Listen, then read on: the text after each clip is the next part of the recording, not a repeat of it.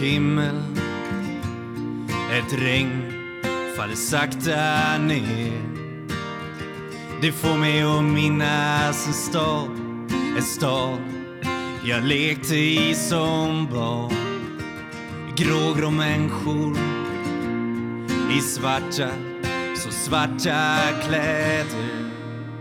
Men jag min sorglösa dag, ett vackert minne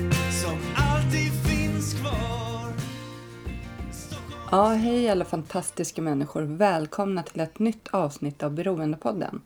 Beroendepodden är en eh, podcast där vi vågar prata om allt. Vi pratar om alla olika sorters beroende, eh, missbruk, medberoende, eh, psykisk ohälsa. Och eh, jag heter Anneli och är själv en beroende människa och lever som nykter alkoholist sedan snart 11 år tillbaka. Tiden går väldigt fort. Eh, det här är också mer än bara en podcast och går man in på hemsidan så kan man se vad vi mer gör. Vi har li lite olika aktiviteter. Vi har en löpgrupp, en träningsgrupp som heter Running for Serenity där alla är välkomna. Det är gratis att, att delta. Till hösten kommer vi ha en sorgbearbetningsgrupp eh, som man kan vara med i om man känner för det. All info finns på hemsidan och där finns det också en flik som heter Hjälp att få. Och på den sidan så är det länkar till olika ställen man kan vända sig till om man själv känner att man behöver stöd och hjälp. Eller om man har någon anhörig som behöver stöd och hjälp. Men jag vill också rekommendera och tipsa om den nya appen Carry App. Som är en app som är som en självhjälpsapp kan man säga. Eh, det går att ha möten på appen med människor som lever nyktra och drogfria och det går också att nätverka, hitta folk i sitt, när, eh, i sitt område där man bor som, eh, eh, som man kan connecta med om man känner att man behöver stöd och hjälp och umgås med folk som bor i närheten som har valt en annan väg. Eh, I förra avsnittet så intervjuade jag en av grundarna till Carry App. Så har ni missat det avsnittet så gå in och lyssna. Han och hans eh, kompanjon som har startat appen lever själva nyktra och drogfria. Så det kan vara ett första steg om man känner att man behöver stöd och hjälp men inte kommer iväg på ett eh, tolvstegsmöte eller eh, har svårt att vända sig till ett eh, behandlingsställe så kan det vara första första steget. Så kika in, ladda ner appen eh, Carry App. Eh, och eh, ja, vad ska jag säga mer innan jag släpper in dagens gäst? Jo, eh, snart är det ju september, eller rättare sagt snart är det midsommar, men eh, tiden går ju väldigt snabbt. Eh, och jag hoppas att alla får en fantastisk midsommar. Men sen så kommer det rulla på och sen så är det september och i september så händer vad? Jo, Flatenloppet. Flatanloppet är ett löplopp som går runt Flatan i eh, Stockholm. Eh, och vi springer för att bryta tystnaden kring psykisk ohälsa och beroende. Och nytt för i år är att vi även har ett barnlopp och ett knattelopp. Eh, för de minsta 500 meter och för barnloppet ett 1,5 kilometer och för oss vuxna 5,8 kilometer. Och det går även bra att promenera runt. Eh, så in och anmäl er på Flötanloppet och eh, så hoppas jag att vi ses så. I dagens avsnitt så ska jag prata med Magnus. Magnus eh, lever med biopolär eh, sjukdom typ 1. Och jag tänkte hälsa Magnus välkommen och fråga vad är biopolär sjukdom och vad är skillnaden mellan typ 1 och typ 2? Alltså, jag tror många nu för tiden är väldigt bekant med vad, att höra bipolaritet och hyfsat vad det är. Mm. Det är en diagnos som ändå har, om ADHD liksom var väldigt på tapeten och har varit, och man pratar om det och vet vad det är, eh, så är ju bipolär nästan den nya diagnosen i det. Mm. Så som jag ser och hör och pratar med människor. Men eh, bipolaritet säger man ju idag, men tidigare om man går tillbaka så kallade man det för manodepressivitet. Och det är egentligen att när man har en bipolär diagnos som en normal, en normal person har ju liksom ett stämningsläge där det går upp och ner. Att man kan vara superglad några dagar, kanske över någonting har hänt eller att livet bara är bra. Mm. Och sen kan man ha dagar där man, man är lite nere, lite nedstämd. Och det är där någonstans man rör sig kanske om man tar generellt för en vanlig person om man får uttrycka det så. En bipolär pers person däremot, den spränger ju de där gränserna på ett sätt. Att den, den tenderar ju att eh, varva upp enormt och, och går ut över normen vad som är eh, kanske accepterat också. Och samtidigt så går man också under eh, linjen vad som är normalt när vi kommer till nedåt. Så det kan, det kan se olika ut från person till person men det varvas av att man går ner i depressioner och sen kan det gå, varvas i att man går upp i manier eller man kallar också hypomanier. För man har två olika sorters bipolaritet som man pratar om. Bipolär typ 1 och typ 2. Det mm. finns, eh, jag tror att det är fem stycken, man kan vara upp till fem olika varianter av det också. Okay. Men de är inte liksom lika vanliga på det sättet utan det är ett och två man pratar om. Mm. Och den som har bipolär eh, typ 1 den tenderar att i stort sett eh, varva upp mer. Den, blir, eh, den, den går upp i fullskaliga manier. Det nu, där man börjar prata om att man får psykoser. Mm. Att man verkligen tappar fotfästet och man, eh, vad heter, omgivningen ser verkligen att det här är något knasigt, den här personen mår inte bra. Och just, det är väl den stora delen som skiljer bipolär typ 1 och typ 2. Där typ 2, där tenderar man att gå upp i hypomanier. Och det är en lindrigare version av eh, en mani. Man går inte i de här psykoserna och tappar, tappar fotfästet och försvinner från verkligheten utan man, man blir sig själv gånger tio kanske, gånger, ja, kanske ännu mer. Att man blir, man kan ta den här som man alltid hade i kompisgänget, den här otroligt speedade personen som var eh, överallt och ingenstans och kände alla och var alltid den som drev facklan i gruppen liksom framåt. Mm. Och mycket av, av det är att den personen är väldigt rolig. Att man får beröm för att man är rolig eller att den är våghalsig och duktig på många sätt.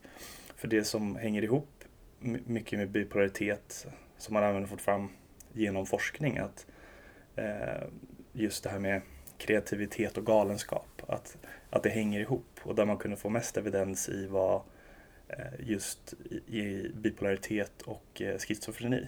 Mm. Så att man, det är också en positiv känsla att vara där.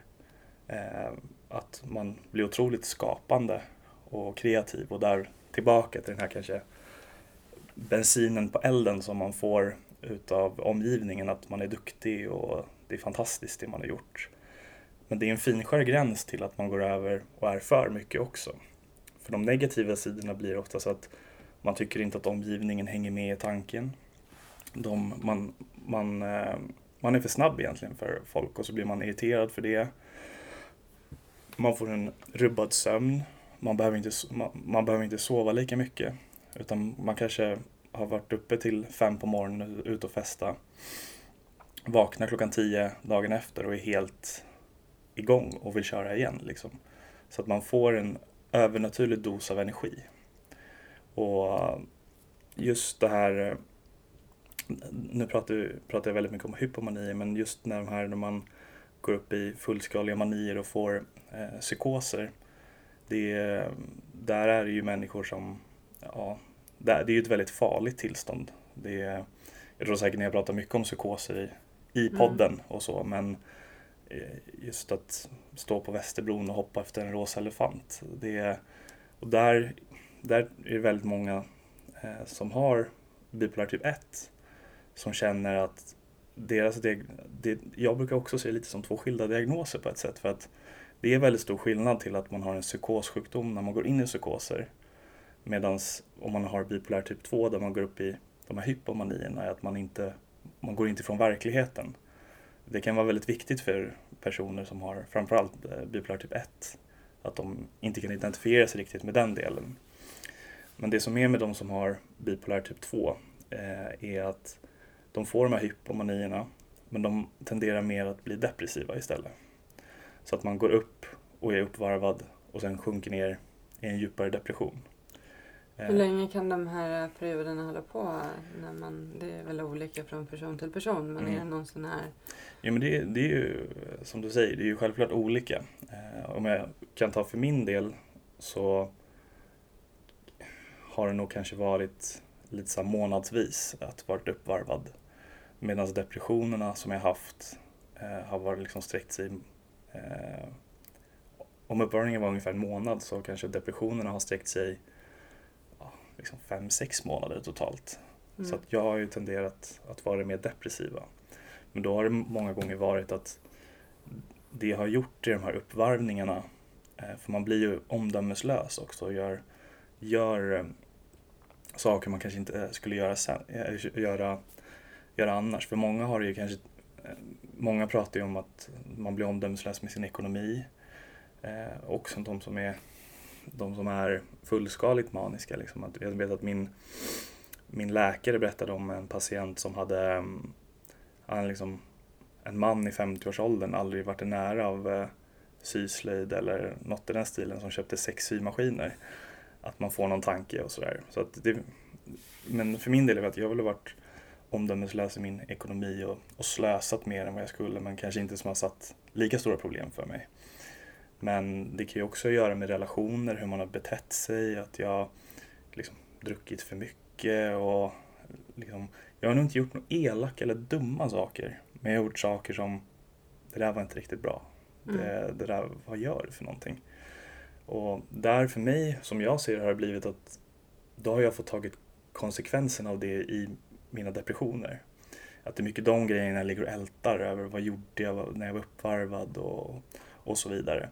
Och så tror jag att det är för rätt många bipolära personer att, de, att det är så. Att man är high life och sen helt plötsligt så sjunker man ner och så börjar man grubbla över eh, alla de dumma sakerna man gjorde liksom när man var uppvarvad. Ja, jag brukar säga om jag bara skulle få ligga liksom, om vi säger att jag har varit uppe 10 centimeter ovanför baslinjen i, eh, i mitt mående i uppvärmningen.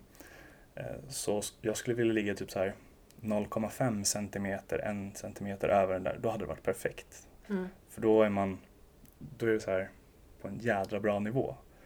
Att jag kan hantera allting och att jag får den där kreativiteten som ändå driver mig väldigt mycket. Jag är en kreativ person. Men sen blir det ju också när man är de här uppvarvningarna så eh, blir det ju att du kanske, du kanske startar tio projekt och är superkreativ. Men du gör inte klart dem. Mm. Så att på ett sätt tycker jag att det är lite så falsk kreativitet. Att eh, jag mår ju inte bra utav att inte få fullgöra uppgifter heller. Men när jag är stabil och har min kreativitet, kreativitet och kan få utlopp för den och full, fullgöra dem. Det är för mig kreativitet, eller min kreativitet som jag mår bra av. Så det är ju... Hur ska man... För du, du eh, har ju typ 1 men även mm, känner du igen dig i, i typ 2? Eller? Ja, alltså... Jag vet inte om vi ska börja liksom från början. Det kan du gärna få Nej. göra. nu har vi hoppat till, eh, till lösningen nästan. Nej, men eh, jag har bipolär typ 1. Mm. Har jag på pappret och jag fick det. Men jag kan ju börja med egentligen hur det började från början med mig. Hur jag kom in i världen med i psykiatrin och Mm. var min debut startade kan man säga. Mm. Eh, ja, alltså för min del är det att jag, jag har haft en jättebra uppväxt med jättebra föräldrar som har varit stöttande och alltid funnits där. Och det, det har inte varit så här, ja, liksom, det har funnits till hand det man, det man heter det, eh, kan behöva och det man behöver ha när man växer upp som barn. Eh, men Nej men verkligen, det har inte varit så här materialistiskt att jag har fått massa grejer utan mina föräldrar har funnits väldigt nära och alltid ställt upp. Och så att jag, jag var liksom en kärnfrisk eh, tonåring och eh, livet lekte och jag hade liksom inte känt på en gnutta ångest i hela mitt liv överhuvudtaget. Jag, jag visste knappt vad det var, mer än kanske att man hade haft bakfylleångest en söndag Mm. Eh, och tänkte att ja, men det här är ju inte så farligt egentligen. Men jag, det började med att jag, jag gick eh, på gymnasiet. Jag gick sista året. Och det började, innan liksom crescendot kom och kraschen så började det väl med att man var, man var nybliven 18-åring och allt som hade med krogen och tjejer och allt att göra, det var liksom så superintressant och vi var liksom ett rövargäng i min klass, vi var väl fyra killar. Så att vi var inte den här elaka stökiga ligan men vi, vi var lite finurliga och vi, det var, vi drog ut och festade jättemycket liksom och det var, det var ja, men i alla fall så här, lördag, söndag eller, fred, eller fredag, lördag, onsdag. Det var liksom nästan standard. Eh, och vi körde på, så de körde ju på också. Det, vi tänkte ju att det var ingen som hade någon tanke på att man kunde må dåligt utav det här på, på längre sikt. Och ehm, det var egentligen mellan, mellan sommarlovet mellan eh, tvåan och trean. Den sommaren var väldigt speedad.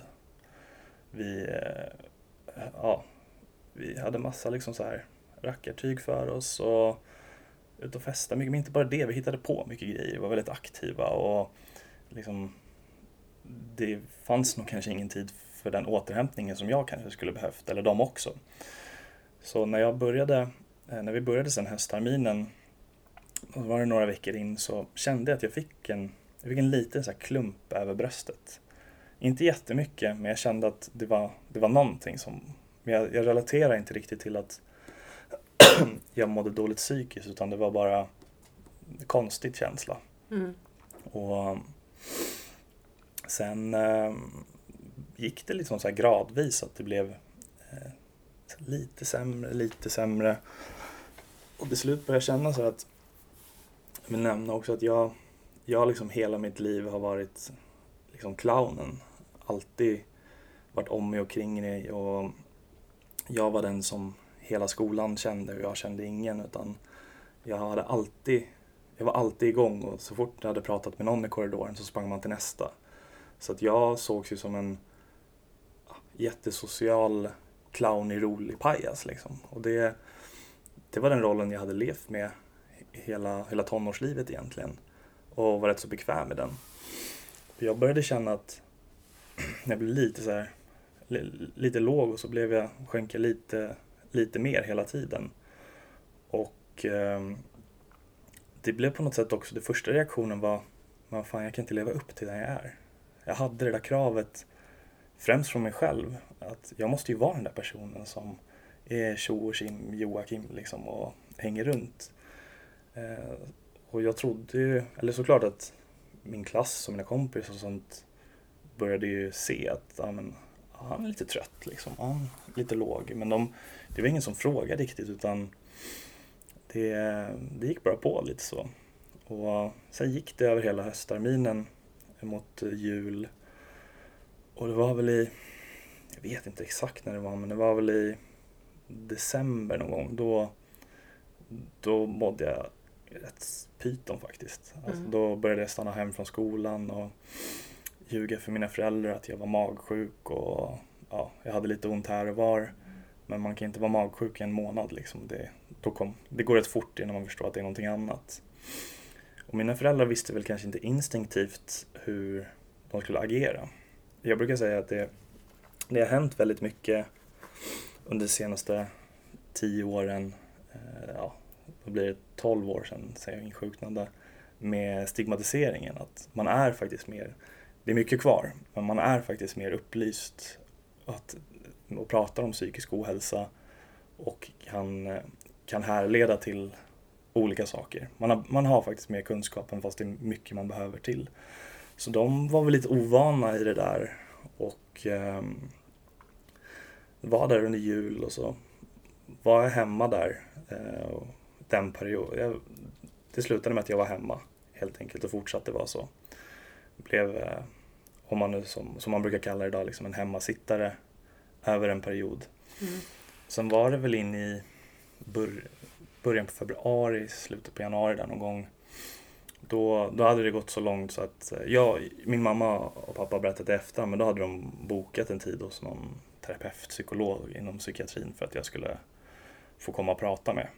Men eh, vi kom aldrig dit. Utan om det hade gått väldigt så här, successivt, sakta men säkert ner mot det här eh, djupet, den här depressionen jag faktiskt var inne i, eh, så gick det jättesnabbt till att stänga av liksom, strömmen helt, eller vad man ska säga. Och min mamma har berättat, liksom, hon, hon kom hem hon kom hem en dag och då, de bodde i ett radhusområde med en, liksom en gård utanför.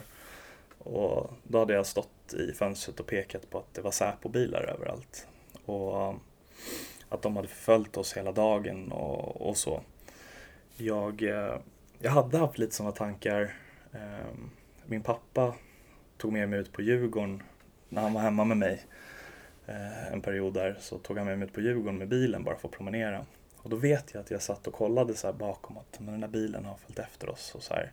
Men det var inte så mycket mer än en tanke. Men nu stod jag där utpekandes på och pekade på saker som inte fanns. Så de blev ju livrädda egentligen. Alltså de, det, det de gjorde var väl det exakt rätta man ska göra. Instinktivt så åkte de till psykakuten på Sankt Göran. Mm.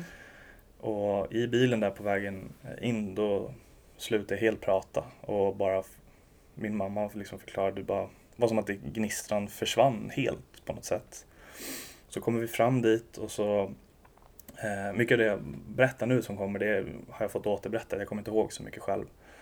Men då fick jag, eftersom jag var myndig så fick jag gå in själv och prata med någon läkare där som skulle stämma av läget. Och han kom, min mamma berättade han kom väl ut typ så tio minuter senare rätt så snabbt och sagt att nej men er son är väldigt sjuk och han behöver läggas in. Och då tillhörde jag Huddinge sjukhus så då fick jag åka någon slags transport. Jag kommer ihåg den här stora Samtransbilen.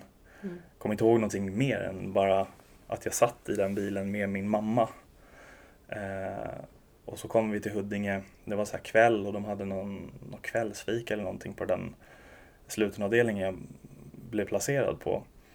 Och så var det någon vårdare där, eh, en skötare som jag senare kommer lära känna som heter Micke. Han eh, han tog väl emot sig öppenhjärtligt att ja, men nej, vi, vi ska precis käka lite mackor och sånt så här. Och, eh, ja, men Magnus ska dela rum med de här tre killarna. De är jättelugna och liksom, Eh, inte stökiga på något sätt.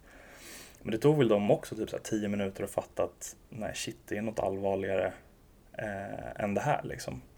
Så då gjorde de ordning med ett eget rum och så fick jag så extra vak dygnet runt. Som man har med, ja men det kan vara folk som har självskadebeteenden eller liknande. Men jag hade ju i min depression liksom gått in i en psykos och eh, fått de här förföljelsemanierna och den här misstänksamhetstanken över alltihopa. Så att jag, det var som att när jag stod där när min mamma kom hem så var det som att någon hade liksom knäppt med fingrarna så var jag borta. Det har de liksom beskrivit också lite, att det var, var verkligen bara en knapp så försvann jag. Så att jag har mycket så vaga minnen över hela min, eller mycket av min sjukhustid. Men jag kommer ihåg den natten väldigt väl för då, då satt en, eh, en kvinna som var vak där. Hon satt i en fåtölj med liksom en glipa in på min dörr med en liten, liten läslampa och läste en bok. Och jag kände så här att, jag kan skratta åt det idag, att det är, så här, det kanske inte är det bästa för en person som har förföljelsemanier eh, att sitta på det sättet liksom. Så att jag mina tankar den natten var ju att jag var ju livrädd. Jag trodde att jag hade kommit till ett institut där man skulle testa saker på folk. Att jag skulle mm. bli beprövad med mediciner och hit och dit. Så att den känslan är nog en av de få känslorna jag bär med mig från hela den tiden. Eh, för att det sitter så starkt i mig. Idag, som jag sa, jag kan skratta åt det. Men känslan som jag hade, eh, det är en känsla som jag aldrig haft i hela mitt liv och jag tror nog inte att jag kommer vara i närheten om inte något riktigt trauma händer. Eh, så att, men överläkaren där på avdelningen ringde upp mina föräldrar dagen efter och eh, förklarade för dem att eran son är, han är faktiskt, eller faktiskt, han är otroligt eh, sjuk och är i ett tillstånd som är väldigt liksom, unikt för oss också. Eh, det händer inte så ofta. Jag hade jag hade gått ner i en katatonisk depression, vilket är, man kan likställa det med att vara apatisk. Det är så djupt ner man kan komma en depression som möjligt. Och han förklarade för dem att det här läget som han befinner sig i, eh, om man, om man befinner sig i det läget för länge så kan man få fysiska men på hjärnan. Att det bränner liksom bort, jag vet inte exakt det medicinska i det, men att man, mm. man ger fysiska men på hjärnan för att det på något sätt bränner bort delar av det. Och han sa att det finns ju medicinering att sätta in men det tar för lång tid för att häva den här depressionen. Så då föreslog han att jag skulle få mm, ECT-behandling, elbehandling. Och där var ju också, som, som jag sa, mycket har hänt eh, med stigmatisering på, en, på den här tioårsperioden. Men än idag så är det ju ett otroligt stigma kring just elbehandling. Det är folks eh, det folk relaterar till är Jack Nicholson i, i Gökboet. Det, det, det är den kunskapen man har om det. Eh, och de var ju också så här ryggade tillbaka, har de berättat liksom. Och bara, men shit, är det, är det här verkligen verklighet? Ska våra, våran son få elektroner i pannan och få in el i huvudet? Eh, men han var väldigt bra den där läkaren, eh, Johannes hette han. Och eh, liksom stödde, jag tycker faktiskt hela liksom, så här, sjukhusperioden Eh, att mina föräldrar fick väldigt bra stöd också. Så jag påbörjade den här behandlingen och jag fick totalt 15 behandlingar. Man brukar säga att man ger inte mindre än 8. Eh, och det ligger inom det normala att få 15, det sticker inte ut allt för mycket. Mm. Men jag fick tre stycken i veckan. Och man blir ju, det är inget svårare egentligen med att man, man fick åka ner några våningar och eh, så blev man sövd och så satte de, nej, jag, vet, jag, var inte, jag vet inte hur de satte det, men man sätter elektroner så ger man, man ger otroligt lite el. Alltså det, men det man gör är att man utlöser ett epileptiskt anfall egentligen. Eh, och på något sätt så stimulerar det och eh, förenklat sätt eh, att säga väcker till liv hjärnceller. Och eh, det som är faktiskt fantastiskt med ECT-behandling är att man använder det också i manier i de, i de typer av psykoserna så att det funkar både uppåt och neråt. Mm. Men jag har ingen minne av de första behandlingarna eller att jag ens fick det från början. Det kommer jag inte ihåg. Eh, men min mamma berättade liksom att det var typ så tre, eller, tre behandlingar tror hon sa, eller, eller fyra. Så om, om hon stod där hemma när hon kom hem från jobbet på gården och hon knäpp, det var som att någon knäppte med fingrarna och jag var borta. Så var, då var det som att någon knäppte med fingrarna igen så kom en, liksom, jag kom tillbaka i blicken på något sätt men jag var ju fortfarande väldigt dålig och mådde, mådde dåligt. Och det finns ju såklart biverkningar med ECT-behandling. Eh, jag kan inte vilka det kan vara, egentligen de flesta, men det vanligaste är att man tappar lite närminne. Att man kanske inte kommer ihåg vem man pratade med innan man hade behandlingen. Inte så att man tappar jättemycket minne. Det tror jag och vet har hänt, men jag tror att det är, ytterst sällsynt. Så att min mamma berättade så roligt att hon, jag hade typ så två eller tre gånger i rad gått upp på hela avdelningen och presenterat mig och bad om ursäkt för att jag inte hade gjort det innan. Mm. Så det är också så här man kan, jag kan vända tillbaka och liksom eh, skratta åt för att det är lite fint på något sätt. Och, men jag fick de här behandlingarna och det blev liksom successivt bättre och bättre. Eh, jag kommer inte... Mycket liksom det jag säger, det är liksom så här, jag tror att det är mina minnen men de är projicerade av mina föräldrar genom det som de har berättat för mig. Men jag kommer inte ihåg så mycket så att jag satt i samtal eller något sånt där eller diskuterade kring det. Jag kommer ihåg eh, de i personalen som jag kanske stod närmast och eh, mer, mer personliga, eh, roliga samtal på något sätt. Eh, men jag, jag var inlagd i tre och en halv månad totalt på sjukhuset, så en väldigt lång tid. Eh, varav sista tiden, tre veckorna eller någonting, var väl någon slags utslussning. Att jag fick åka på permissioner. För det började kanske med att jag åkte hem tre dagar, så fick man komma tillbaka och stämma av och sen var borta en vecka till slut liksom och sen tillbaka och sen bli utskriven. Eh, men jag, jag tycker ändå att när jag blev utskriven där så kände jag att jag hade inte hittat tillbaka till mig själv hur jag var innan. Jag var väldigt splittrad eh, över vad jag hade varit med om. Men jag tyckte inte att det var jobbigt eller skämmigt på något sätt. Utan man pratar ju ofta om acceptans. Och jag har liksom från typ dag ett accepterat att jag har den här diagnosen. Jag tyckte inte att det var så jävla konstigt. Mm. Men det har ju tagit mig liksom de här 10-12 åren eh, att acceptera kanske, det låter svårt att säga de villkor, men kanske de förhållningssätt som man kanske behöver förhålla sig till med den här diagnosen. Att jag brukar säga att jag kan göra vad jag vill som vilken annan person som helst. Men jag måste bara förhålla mig till lite saker och kanske planera saker och tänka på saker som gemene man inte behöver göra. Men efter sjuk, sjukhuset där så, då var jag ju hemma så det här var, det här var vi var inne någonstans i, under sommaren eh, någon gång. Och då var jag hemma hela det, hela det året ut. Var jag hemma. Och eh, jag hade fått jättemycket så antipsykotiska mediciner eftersom jag hade varit eh, så, så pass psykotisk som jag var. Och de vanligaste effekterna av dem är att man blir, man blir väldigt trött. De, det, är ju, alltså det är egentligen till det ska dämpa dig. Du ska Mm. skjuta ner i botten liksom. Eh, och, det, och det jobbiga är att bara för att man typ mår bra så betyder det inte att man kan sluta med dem utan man måste äta dem en viss tid efter också. Så att det jag gjorde det var att sova och åt. Så att jag tror jag la på mig typ 20 kilo eller någonting. Eh, Jag vet att min mamma har berättat efter vad hon sa till min farbrors fru. Vi var hälsade på dem i Spanien där under sommaren någon gång, eller slutet på sommaren tror jag att det var. Att det här är liksom inget skäligt liv. Liksom. Ska han leva så här? Han har ingen gnista alls. Det var som så här. Eh, jag kände ingenting. Är det bra? Jag vet inte. Är det dåligt? Nej, jag vet inte. Det var bara någon slags jämnhet i allting. Eh, det, mm, nej, jag kommer ihåg att det, det var inget roligt. Så blir så här självförtroendet över att eh, gå upp så mycket kilon. Och innan hade jag varit liksom rätt så smärt och, och, eh, och eh, trivts liksom med mig själv. Men nu gjorde jag inte det.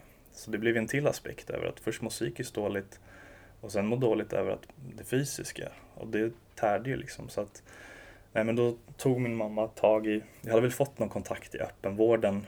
Eh, jag kommer ihåg att jag fick gå och prata med någon terapeut i någon lusekofta som heter, heter det? Jag ska inte outa hennes namn kanske. Nej men eh, jag, grej, jag kan säga hon heter, hon heter Ylva och det var väl inget fel på henne. Men jag kunde inte, en 19-årig kille kunde inte identifiera sig med att, att det nästan var hans mormor som typ satt och virkade. Mm. Så att hon var väl inte, det handlar ju mycket om kemi med terapeuter och psykologer. Och jag hade väl ingen kemi däremellan så att jag tror inte att jag tog till mig så mycket det vi pratade om. Men sen fick jag träffa en läkare som var jättebra och eh, då fick jag sluta med de här antipsykotiska medicinerna. Och så fick jag äta eh, litium och börja äta det. Och det är en stämningsstabiliserande medicin eh, och många känner igen namnet och har, om man har om, någon, om, man, om jag säger att jag är bipolär till någon då säger ah, äter du litium? Det är, det är typ det man kan veta. Men det är en medicin som skyddar både uppåt och neråt. Den skyddar mot depressioner och skyddar mot uppvärmning, manier. Så, men det, utmaningen är att man ska hitta rätt dos och, och ställa in. Det jag brukar likställa det med att litium är lite som insulin. Mm. Att eh, man måste hitta insulinnivån. För jag mäter min litiumnivå i blodet. Så att i, igår var jag och tog blodprov för att det gör jag eh, fyra, fem gånger om året. Och då finns det en intervall eh, där, där man ska ligga. Men, eh, så det tar en liten tid innan man hittar eh, vad som passar bäst för en själv. Men det var som att när jag väl fick till det där och rätt dos, då var det som att det är den personen jag sitter här idag som. Att då hittade jag verkligen till mig själv. Jag hade inte hittat mig själv på det sättet men det verkligen hände någonting kemiskt, eh, tankemässigt, känslomässigt. Att vi började liksom kunna lägga ihop de här tre pusselbitarna. Och, nej, det var en fantastisk känsla faktiskt från att eh, liksom varit inkognito. Men det är inte så att man liksom bara blir, eh, inte avtrubbad, men liksom så här ett jämnt mående. Alltså, Ja, alltså det är ju många som har den effekten och känner sig ha den effekten. Men of, den vanligaste är ju att det är en insättningssymptom. mm, Att man får det eh, i början av medicinen, att man är väldigt jämn. Och det hade jag också, att den här jämnheten, och den har ju varit det är nog den jobbigaste känslan. För då hade, då hade jag hellre varit, väl, vilja vara lite uppåt eller lite neråt för att känna någonting. Det var ju lite så här känslokall, att jag är liksom känslomässig och, och var det då också men att jag kanske log men jag kanske inte kände det. Mm. Så det är som du säger, att det är, det är rätt vanligt. Och, men det är det som är det kruxiga med bipolaritet när det kommer till medicinering är att det finns jättemånga olika såna stämningsstabiliserande mediciner som har effekt som litium. Och det finns liksom ingen så quick fix att ja men här, ta en Alvedon, det hjälper för alla. Nej, utan man måste hitta den som passar en rent kemiskt eh, och, och få den att må bra. Och där är en jädra utmaning. Nu tycker jag ändå att det gick rätt så fort för mig att hitta Eh, den första medicineringen där, men många de sliter ju med det där. Alltså att få prova mediciner när det här funkar inte så måste vi sätta ut dem i en takt och, och sen ska vi sätta in en ny medicin, nej den funkar inte. Det är jävligt slitigt och man mår inte alls bra utav det. Så det är, det är en jädra utmaning med bipolaritet att det finns ingen medicin eh, som funkar för alla utan man måste hitta sin cocktail som jag brukar säga. Mm. Jag, jag äter idag äter jag litium och så äter jag två andra mediciner också som är stämningsstabiliserande. Det är väldigt vanligt att man, man äter, oftast är det att vanligast är att man äter två olika ungefär. Att de blir lite så här, litium är min grund, men så äter jag en annan som skyddar mig ännu mer för att gå lite neråt. Och den andra äter jag för att skydda mig ännu mer för att eh, gå lite uppåt. Så det är inte ovanligt att man äter två, tre olika. Och jag brukar säga det nu ute och håller föredrag och liknande att att när, när du väl hittat liksom den här cocktailen eller eh, kombinationen, släpp den inte. För det vanligaste, eh, det vet jag när jag pratar med min läkare, sjuksköterska, de har sina patienter, är att men nu mår jag skitbra, men jag äter så jävla mycket mediciner, men jag kan ta bort den. Och så, så helt plötsligt så mår man kast igen. Mm. Så det, är, det är nog en av de vanliga grejerna med folk som käkar väldigt mycket mediciner, att eh, man tycker det är jobbigt att man äter så mycket. Men man mår bra och så börjar man eh, tumma lite på det där. Och såklart att det är, kan vara jobbigt att äta mycket mediciner för det har ju biverkningar såklart. Att det litium är väldigt vanligt att man eh, blir väldigt törstig, kissar mycket. Mm. Det gör jag. Jag var på toa innan vi började. Nej, men och sen eh, kan man ha lite så här darriga händer. Det är de typ två vanligaste. Eh, sen brukar inte jag tycka det är så, jag brukar inte tycka det är så kul att prata om, kul, men så intressant att prata om mediciner utan det jag tycker är viktigt att prata om det är allt annat än mediciner eh, runt om. Ja, för hur, hur har livet sett ut eh, sen, eh, ja, sen du insjuknade? Vad har du liksom använt dig av för verktyg? Mm, alltså det, jag väl på något sätt fylla, fylla på min verktygslåda under de här åren. Liksom step by step. Och jag, som sagt, jag blev ju bra där och sen var skolan så schysst att jag hade ju varit... Eh, jag började vårterminen. Så att jag, när jag blev sjuk så hade jag ju bara missat en termin egentligen, mm. vårterminen. Så jag behövde bara gå om en, en termin. Och det var väl lite så här, jag gick ut med, jag var rätt duktig i skolan innan liksom och, presterade bra. Och det var väl lite hatt som hatt. Det var väl kanske inte jättedåliga betyg men inte jättebra. Så att jag, sen efter det så, jag jobbat, jag jobbade extra inom, jag jobbade extra på ICA när jag var, började väl när jag var 16 eller någonting. Så det jobbet hade jag, typ, hade jag varit sjukskriven från även fast jag jobbade deltid. Så att jag började jobba på ICA innan jag började skolan. Bara, jag fick börja som arbetsträna. Jag kom dit två timmar och sen gick jag hem. Och sen efter studenten så fick jag erbjudande av en, en kollega som hade börjat en annan butik som tipsade att de behövde eh, en heltidstjänst där. Så då jag började jobba heltid direkt efter studenten och det, jag mådde bra. Alltså jag, liksom från varje dag som gick så glömde jag bort vad jag hade varit med om. Det som jag sa innan, jag accepterade min diagnos från dag ett. Men det kom ikapp mig långt senare över att jag inte hade tänkt på vad jag faktiskt måste jobba med. Och kanske inte riktigt fått det stödet inom vården eh, eh hur jag ska jobba med det, förutom att få mediciner. jag brukar lyfta fram den vård jag fått, att den har varit fantastiskt bra. Eh, framförallt när jag fick träffa min sjuksköterska och läkare som jag har idag. Men eh, där i början, just när jag var så ung också, så fick jag inte så mycket stöd i, i hur, hur det här kanske skulle påverka min, min livsstil eller hur jag kanske kunde leva och sådär.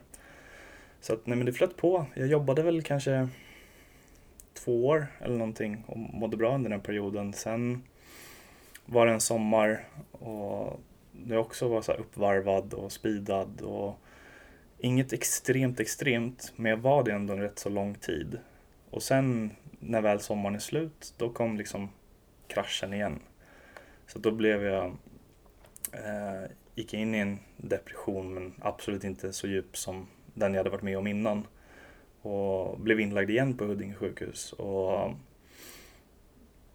där på något sätt så förstod jag eh, att det här kanske inte bara var en gång som var när jag blev sjuk utan att det här kan ju faktiskt hända igen. Så att jag var inte där jättelänge. Jag tror att jag var där en och en halv, två veckor eller någonting. Och blev utskriven därifrån och började liksom smått jobba med mig själv och började tänka efter och sådär. Började träna väldigt mycket och ja, mådde bra av det och röra på mig och sådär. Jag drack fortfarande liksom jag drack väl alkohol som vilken annan i min ålder som helst. Kanske lite mindre. Men jag kände väl att det påverkade mig mer och mer också. Att jag klarade inte av en, liksom en dyngfylla. Om en vanlig person bakis en dag så kanske jag kunde vara bakis i tre dagar. Mm. Att det påverkade mig jättemycket energimässigt. Och sen var det väl, sen mådde jag bra. Jag hade, jag träffade en tjej som vi var tillsammans, hur länge sedan, ett och ett halvt år kanske. Och min sjuksköterska hon är, hon är så härlig. Hon är från eh, Jugoslavien. Så hon var verkligen så här rakt på på något sätt som vi kanske inte svenskar eh, kan vara så härliga att vara. Man ska uttrycka det. Hon var det bästa du kan göra. Hon har lite så här rökig röst också. Du, du ska träffa en flickvän. Det, då blir det stabilt. och hon har väl nog rätt i det. Att det gav mig en väldigt stabilitet. Att vi eh, var en väldigt lugn period och eh, härlig och fin period. Och bara tog det lugnt och eh, ja, men, var som ett par är på något sätt. Och Sen tog det slut. Eh, jag var väl lite ledsen över det faktiskt för att det var ja, det var väl min här, första, största hjärtekross liksom.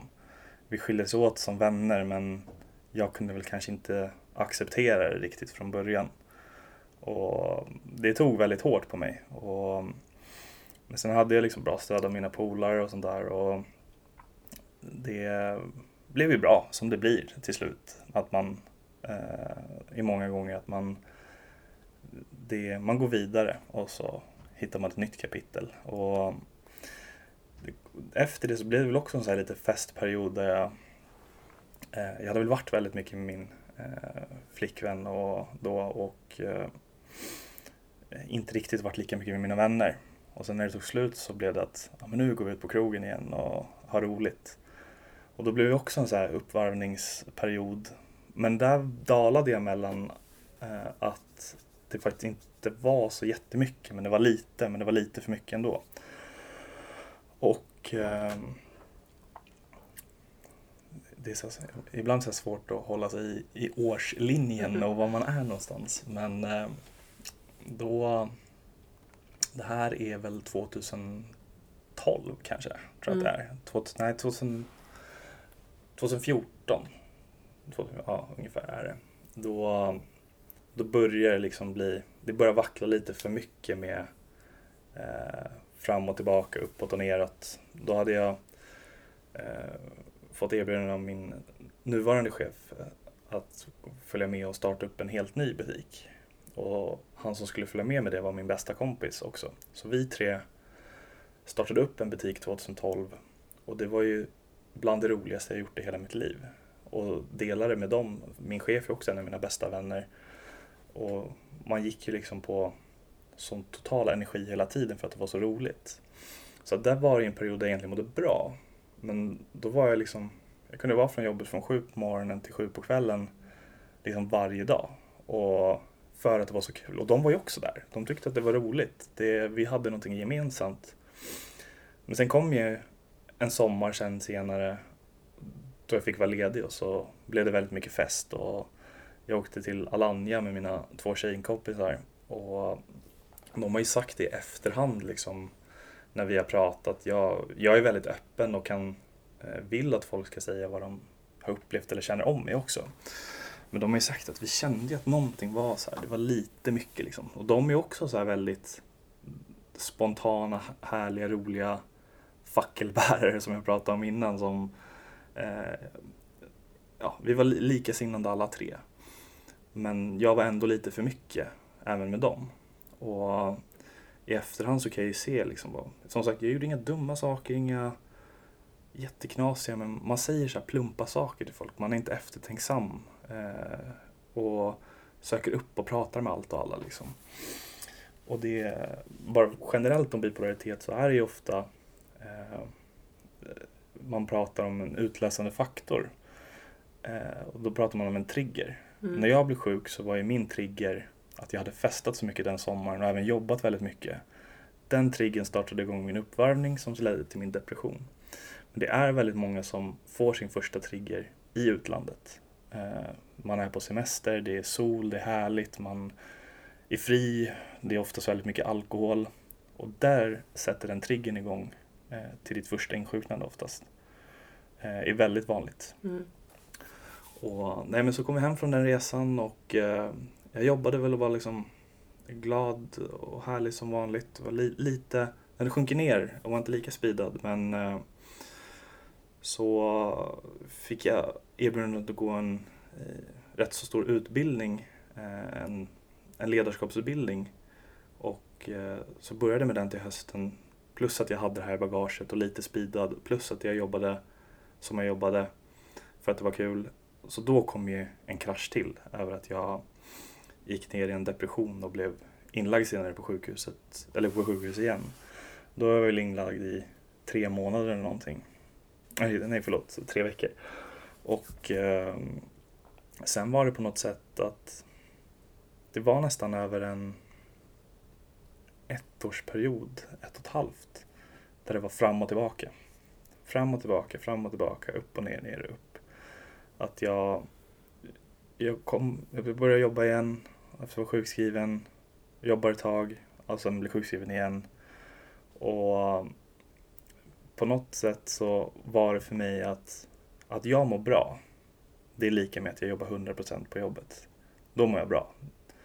Det är ingenting annat. Det är, så att mitt mål var hela tiden att sträva att jag måste upp till de där 100% så fort som möjligt.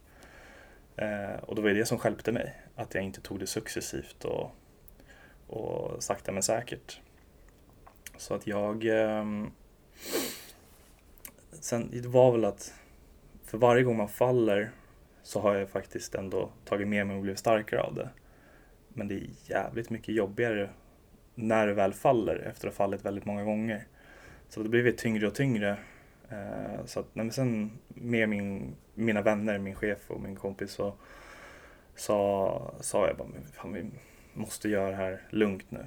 Så då började det successivt, 25, 50, 75 under en rätt eh, lång period i rehabiliteringen om man ska säga så.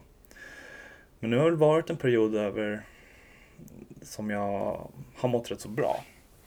Eh, och eh, jag har väl utvecklat, jag brukar kalla det lite mer så här min diagnos som det ser ut idag är mer en ångestsyndrom än vad det är bipolaritet med, med uppvarvningar och depressioner. Mm. Så att jag känner mer att jag har en ångestproblematik än vad jag har eh, ser tendenser av att bli deprimerad eller uppvarvad. Det är så det har speglat, speglats för mig. Och det kan också vara positiv ångest i form av att när jag kommer hem så på kvällen och så kanske jag haft massa aktiviteter och ändå är glad. Och så känner jag den här klumpen i bröstet och den påminner mig om att nej men nu är det nog lite mycket.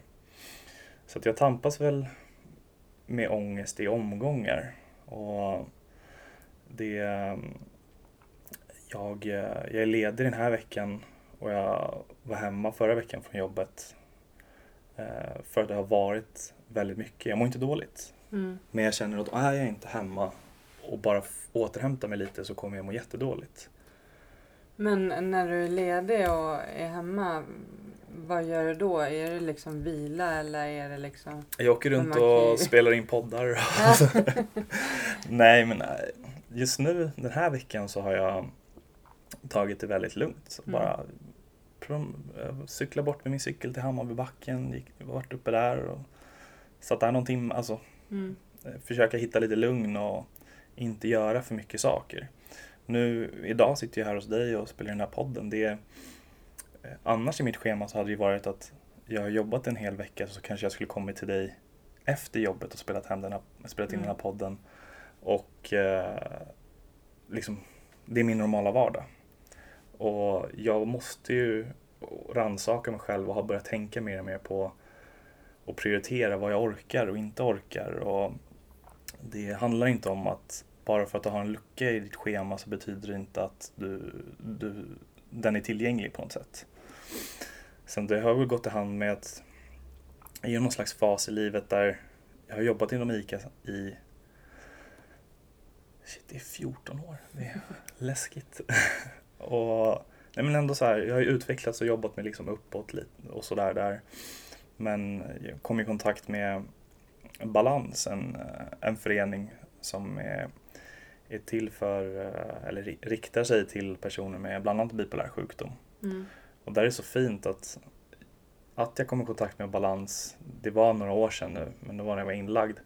Då träffade jag en man där som är eh, väldigt framstående och när jag skapade Balans och eh, jag ska inte nämna hans namn, men eh, Mm. han, han är vad heter det, lite här framstående mediavärlden, eller vad. Och vi fick någon fin relation där. Vi, jag hjälpte honom, han hade lite så svårt att, att gå tillfälligt. Så jag typ hjälpte honom och han ville gå ner och köpa en glass och sådär. Och, ja, vi hittade någonting där. Och så han pratade så varmt om den föreningen och jag, för min del var det att jag hade ju aldrig träffat någon mer än de man träffar på, på vad heter det, sjukhuset som har den här diagnosen. Men där kanske inte är så eh, sådana diskussioner på den nivån kanske som eh, det är när man mår bra och är stabil. Så att jag gick dit och jag visste inte vad jag skulle förvänta mig av det. Jag försökte vara så här helt inkognito, och bara, men jag känner ingenting om det. En farhåga var ju så här, men är det bara sjuka eh, människor som kommer sitta här och älta? Det är, det är ingenting för mig. Men så kom jag dit och så det, var så fantastiskt. Det var blandade åldrar. Det är en förening som riktar sig både till drabbade och anhöriga. Mm. Och det var en sån fin och härlig kombination. Jag kunde hitta människor och prata om som var anhöriga som jag inte kanske kunde prata med mina föräldrar om. Och det tyckte jag var så himla fint, utbytet där sinsemellan. Så det slutade med att jag efter att ha gått där en åtta månader eller någonting på lite så här kaféer och aktiviteter så frågade de om jag var intresserad av att gå med i styrelsen där. Och jag var så här, styrelsearbete, vad är det för något? Det låter jätte eh, förpliktsfullt och jättemycket jobb. Men det är ju inte riktigt fast ändå på något sätt. Men, eh, nej men så idag så tre år senare så sitter jag som vice ordförande i Balans och tycker det är jätteroligt. Och träffa, träffa och hjälpa och inspireras av andra människor också. Men hur, hur vanligt är det? Eh, hur många är, har eh, diagnos? Vet du det? Har du koll på dem? Jag kom... Jag borde kunna. Ja. Jag borde kunna det. Men jag, jag kommer inte ihåg. Men eh, Mm. om det är... Jag vet inte. Vi, vi, Nej, men eh, vet, vet man ungefär, liksom, finns det någon så här, eh, ålder då man brukar insjukna? Ja men bra, det är en bra Mm. fråga. Det um, man brukar säga mellan 18 och 25 Mm. är det vanligaste. Mm. Och där, eh, men of, och så oftast utlöses det av den här triggern som jag pratade om Mm. tidigare. Men jag träffar ju också på äldre människor. Eh, en kvinna som jag träffade som var 55-årsåldern, eller 60 kanske. Hon, eh, hennes man dog helt plötsligt. Och de var ett sånt par som varit ihop hela livet och det var liksom hennes eh, andra hälft. Mm. Då insjuknade hon. Mm. Att det var en trigger. Sen har hon berättat för någon att jag har haft lite smått problematik, att jag har haft lite dippar men ingenting stort. Mm. Men att det, det går också att liksom, få det senare i livet också. Det är väl som många andra diagnoser att man eh, kan få eh, långt senare, som med ADHD, Ja. är väl att det ställs eh, i alla åldrar nu liksom idag på det sättet. Men, eh, och, och kan man bli frisk? Ehm, varför tvekar jag i den frågan? Nej men såklart att, alltså, såklart att man kan bli frisk och må bra och ha ett stabilt liv. Mm. Eh, och det är ju, jag brukar säga, det är fler som mår bra än som mår dåligt. Mm. Men det är de som mår dåligt som hörs Mm. och det är de vi ser. Eh, men det är betydligt fler som faktiskt mår bra. Men det handlar ju också om, som för min utveckling har varit med att leva med den här diagnosen i 10-12 år, att det har ju tagit liksom step by step. Och om jag bara skulle förlita mig på min medicin eh, så skulle det ändå inte funka. Jag brukar säga att en, eh, en tablett, det kan en femåring svälja. Det är inget svårt. Det kan jag göra hur lätt som helst. Men det stora jobbet är ju att, som med mycket annat i livet, liksom, för vem som helst, att jobba med sig själv. Mm. Så jag brukar kalla det så här livskompassen, att man just om man får ihop det med sömn, kost, motion, eh, stress och hur man förhåller sig till alkohol och, och liknande. Liksom, man pratar ofta väldigt mycket sömn, men det är liksom så, återhämtning är sjukt viktigt för mig. Att jag säger att jag, jag brukar säga att jag, när jag har så föreläsningsuppdrag, då, då kanske jag måste frigöra tid så att jag inte gör någonting, säg att jag ska föreläsa efter här idag. Mm. Då kanske jag måste frigöra tid att ja, inte jobba lika länge på torsdagen och inte ta på mig någonting annat. Och samtidigt innan också förbereda mig så att jag har energi. Där pratar vi om att då ger jag mig själv förutsättningarna att orka med. Men eh, gör jag inte så, då vet jag att blir det mycket så under en period så kommer det inte att bli så bra. Så att det handlar mycket om eh, vad är det jag brukar säga, bädda mjukt åt dig själv. Att man kan göra allt liksom, men måste förhålla sig på lite an- annorlunda sätt. Sen såklart att jag lever inte som jag lär hela tiden heller och det är ju flera aspekter i att må bra och ett mående. Det här, det här är, jag brukar säga, det här är nyckeln. Det är inte svårare än så. Men sen ska man få det att funka med allt. Och sen ligger det på den aspekten som det kan vara för många människor att med sociala förhållanden. Vad har man för stöd hemifrån? Vad Mm. har man för relationer med vänner? Vad har man för, vad har man för trygghet om man inte har vänner med sociala insatser och sånt? Så då blir det ytterligare en bubbla som man måste spräcka liksom för att För det låter ju, när du berättar att du ändå har väldigt bra alltså, relation med dina föräldrar och känslan jag får är att du har väldigt eh, stöttande vänner och även på jobbet att de, att eh, liksom absolut. det- de... eh, och, ja. Det, jo men det, det har jag. Alltså jag. Jag vet om att jag är väldigt få förunnad över att ha det skyddsnätet som jag har runt omkring mig. Eh, Såklart att det varit jobbigt med relationerna med mina föräldrar. eh, När man hamnar... Jag har inte alltid varit snäll alla gånger mot dem med känslomässigt och sånt där. Och eh, mot eh, mina vänner på jobbet där, min chef och min bästa kompis. Att att där, vi är ju vänner men det är också, då knakar man i att det är både min chef och min vän. Att det blir, det blir lite trubbiga relationer där också. Men det som, det som jag brinner väldigt mycket för med att vara engagerad på det här sättet, att eh, ge kunskap och stötta och hjälpa andra, det är också för att jag ser människor som inte har det så här. Som inte har fått den här hjälpen. Som har fått gå till tio olika läkare och slussas runt mellan systemen det är vanligt är ju liksom att missbruk och psykisk ohälsa går ju hand i hand. Liksom. Det är, Mm. Och egentligen så har du inte ett alkoholmissbruk. Eller du har ett alkoholmissbruk men det är egentligen på grund av att du har en psykiatrisk åkomma. Men då får du inte gå till psykiatrin för att du inte är nykter. Alltså det, är, Mm. det är mycket sådana saker. Liksom. Att det, Hamnar mellan stolarna. Ja. Men hur, alltså är det, har du, är det genetiskt? Finns det i din släkt någonting?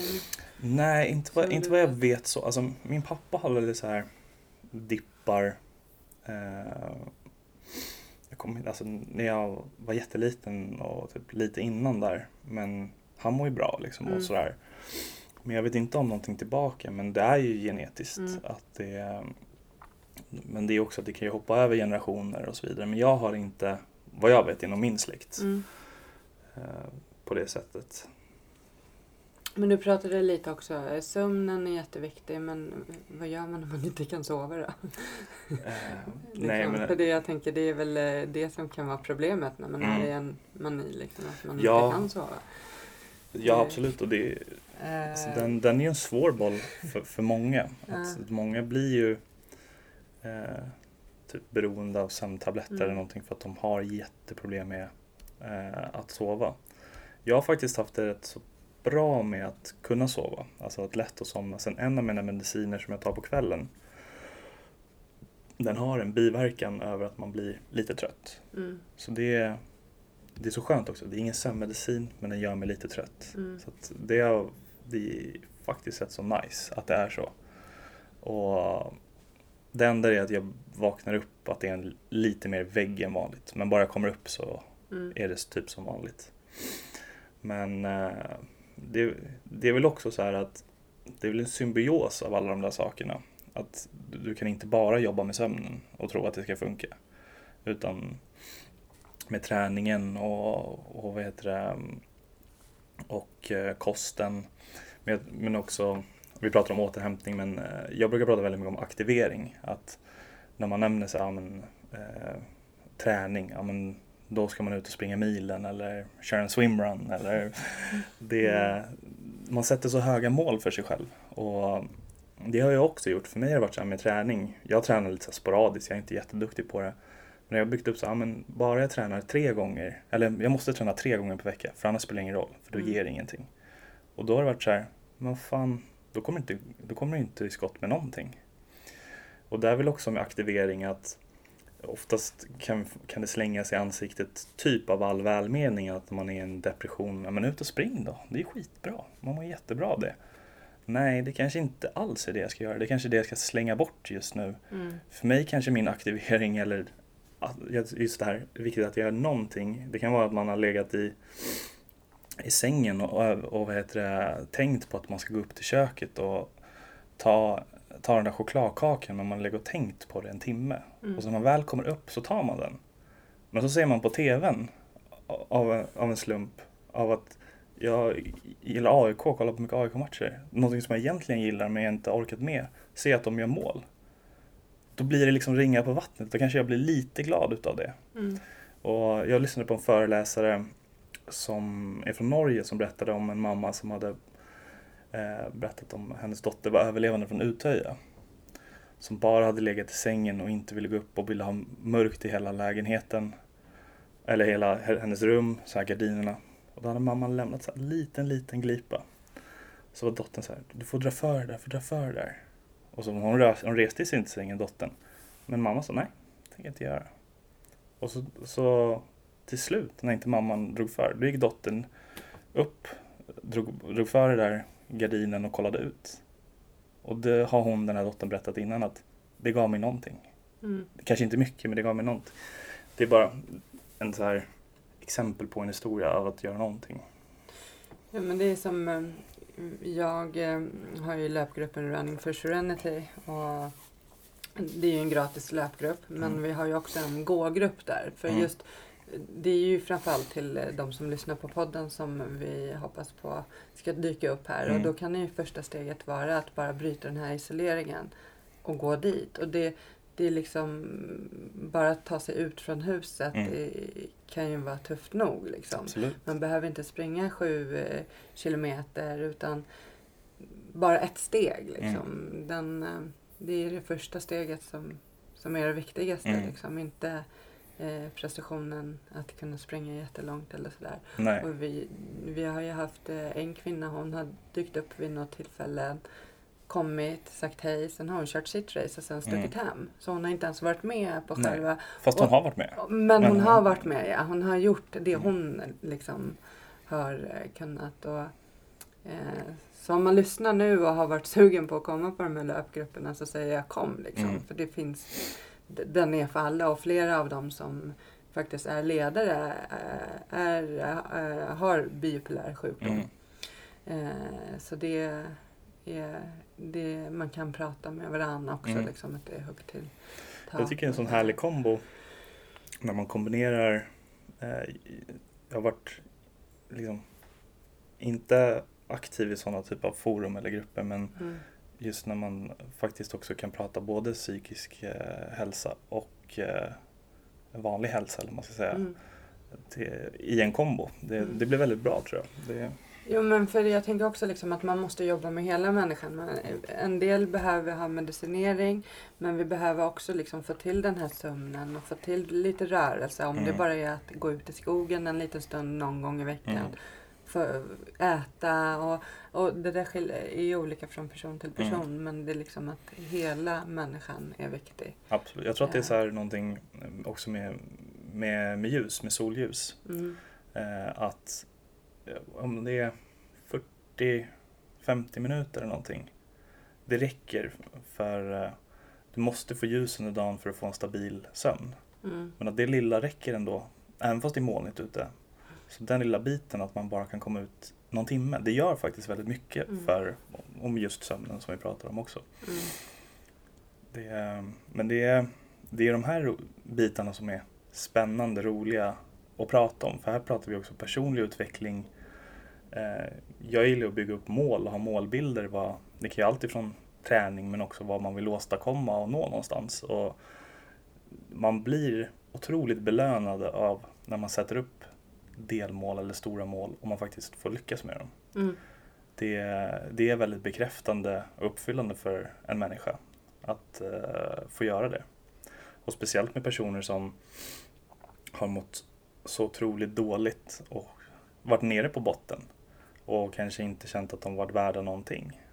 Och för att de inte har åstadkommit någonting för att de var så pass då, sjuka och dåliga.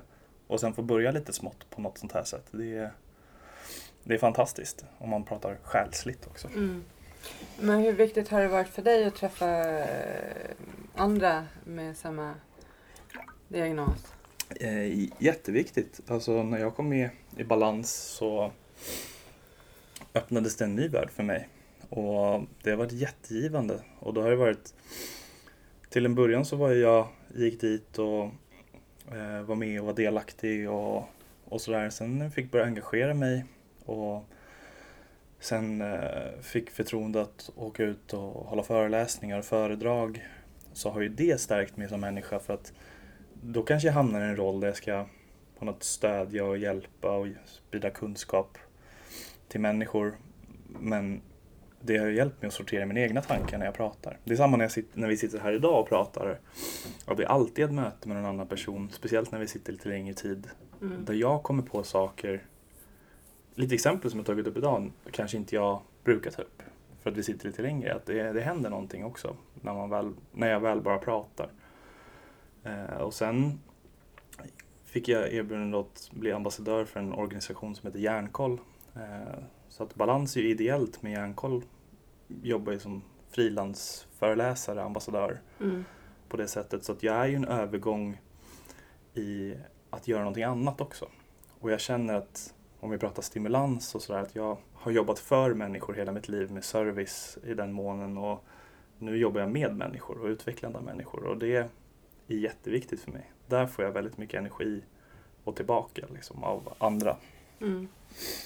Så det är, jag pratade faktiskt, jag, innan jag var här så var jag hos min eh, sjuksköterska. Det är också, vi går, man går några gånger per år och, och stämmer av och så. Hon blir lite terapeut också. Och då hade jag tänkt väldigt länge på att jag skulle vilja gå till en psykolog. Inte för att jag eh, kanske mår jättedåligt men jag känner att jag hamnade i någon fas i mitt liv där jag behöver hjälp att sortera mina tankar lite. Jag har gått, ja men det nämnde jag inte innan också, men jag har gått väldigt mycket KBT Mm. i behand- som behandling utöver medicinen. Och det gick jag rätt så många år senare, men det har hjälpt mig jättemycket. Just när man pratar om det här med acceptans och lära känna igen tidiga tecken och kanske ställa sig lite utanför sig själv och betrakta vad är det jag gör och sådär.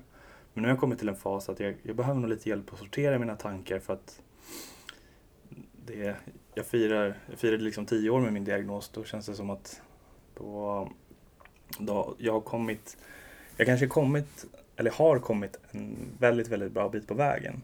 Men jag har fortfarande lite vägbulor som jag kanske måste ha hjälp att ta mig över.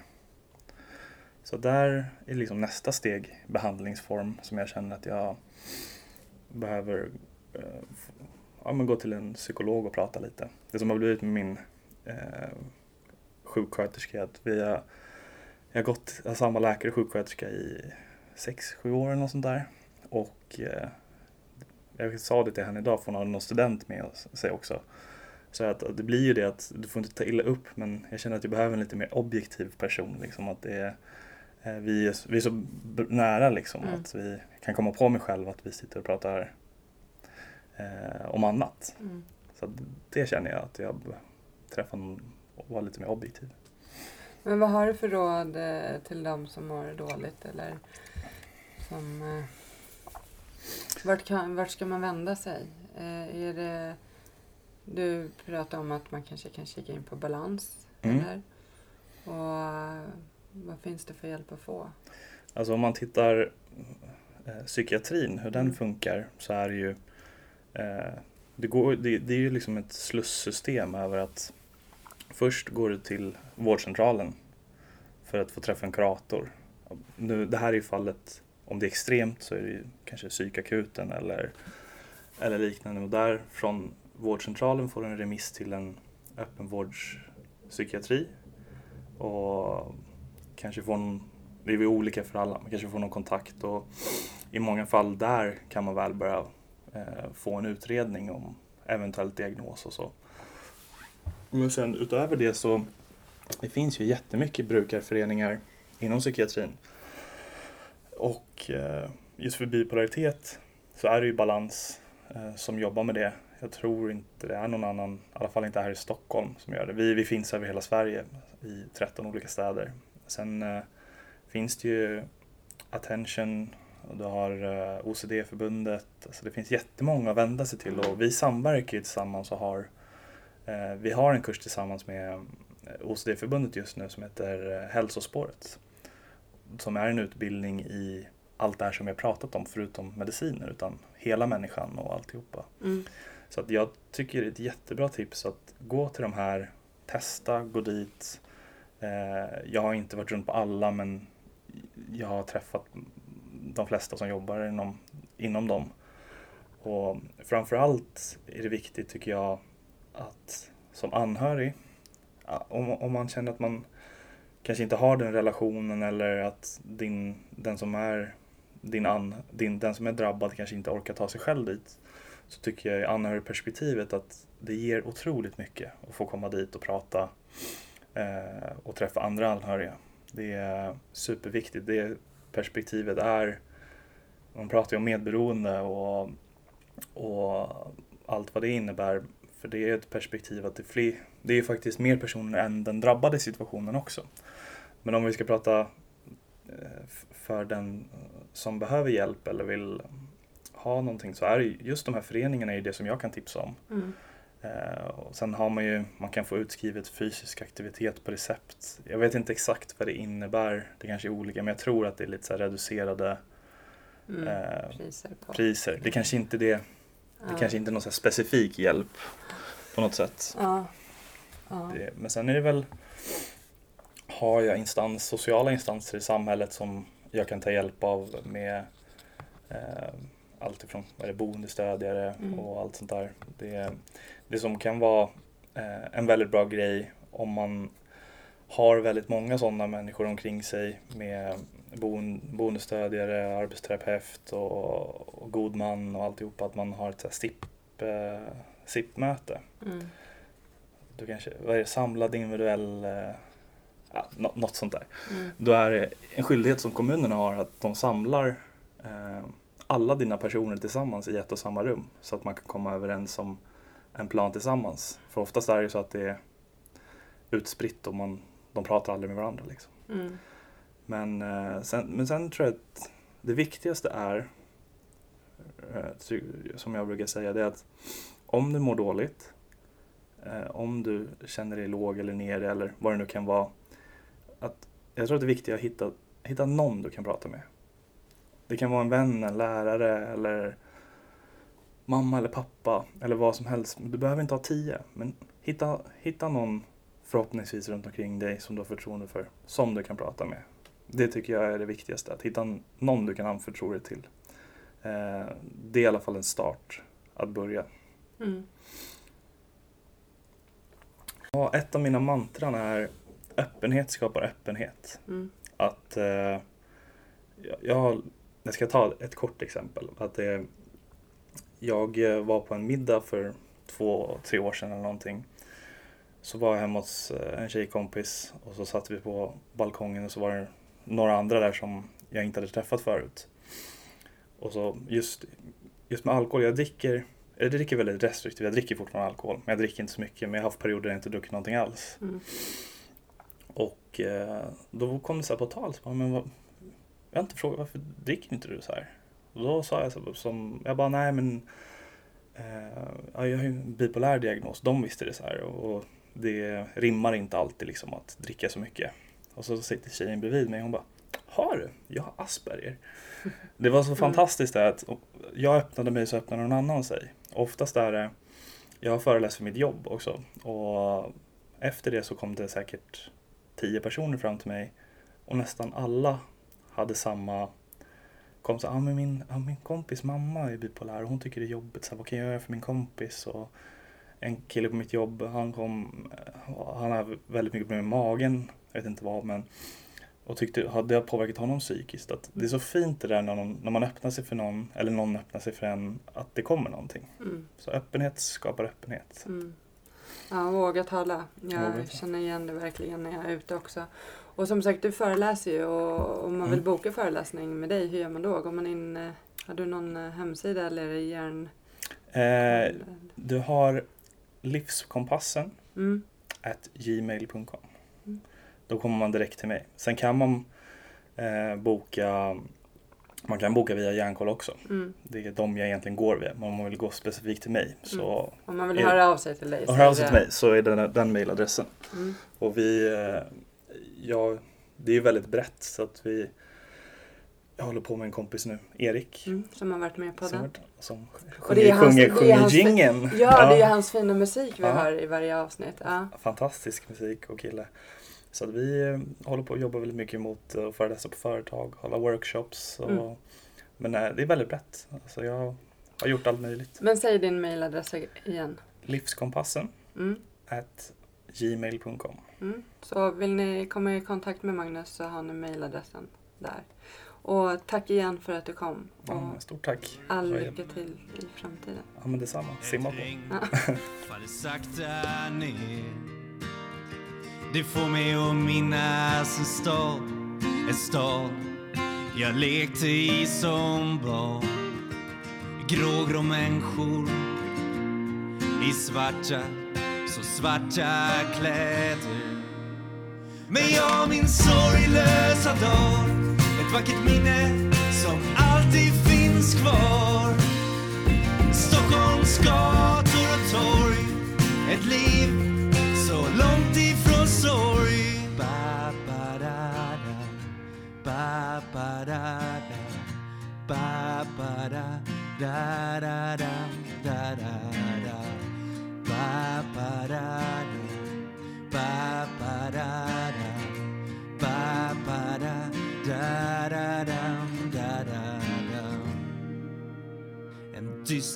T-barn, perrong, ett liv inrutat i betong. Stäng ut det andra med musik. Fokusera allt på att bli rik. Här finns en dyster atmosfär. Ett liv kretsat kring karriär. Men jag min sorglösa dag. Ett vackert minne som alltid finns kvar. ska till ett torg. Ett liv så långt ifrån ba ba da da. Ba ba da.